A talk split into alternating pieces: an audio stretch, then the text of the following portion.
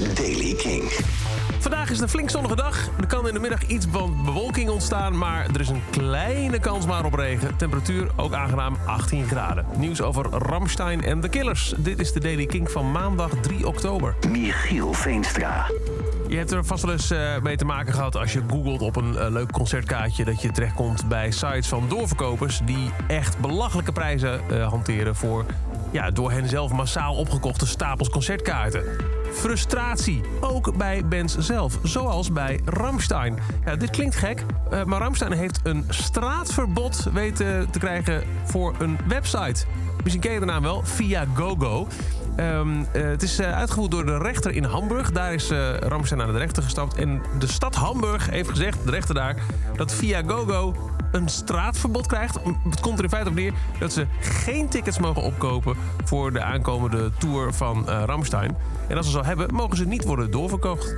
Advocaat van de band zegt... kopers realiseren zich vaak niet dat ze hun tickets niet bij de organisator kopen... maar op de secundaire ticketmarkt. Zo'n via GoGo ziet er vaak best wel officieel uit. De wetgever heeft deze tekortkoming onderkend en heeft gehandeld. We zijn verheugd, zegt de advocaat, dat de rechtbank van Hamburg onze mening deelt... en consequent overtredingen van de nieuwe wet verbiedt. Lekker bezig.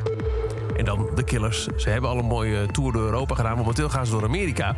En afgelopen weekend stonden ze twee keer in Madison Square Garden in New York. En op een gegeven moment zegt eh, Brandon Flowers, de frontman van de Killers... Don't you just hate it when the boss comes to work? Well, I don't. En hij bedoelde de boss als in Bruce Springsteen.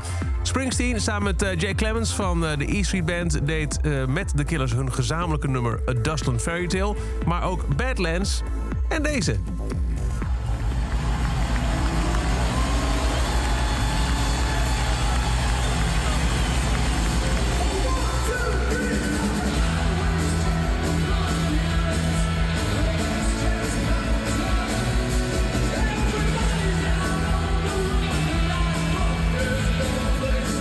Ja, samen Born to Run doen.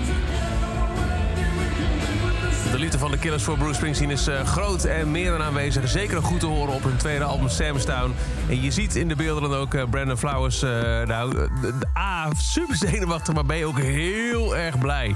Misschien kun je nog herinneren dat jaren geleden... de Killers voor Bruce Springsteen stonden op de eerste dag van een Pinkpop-editie.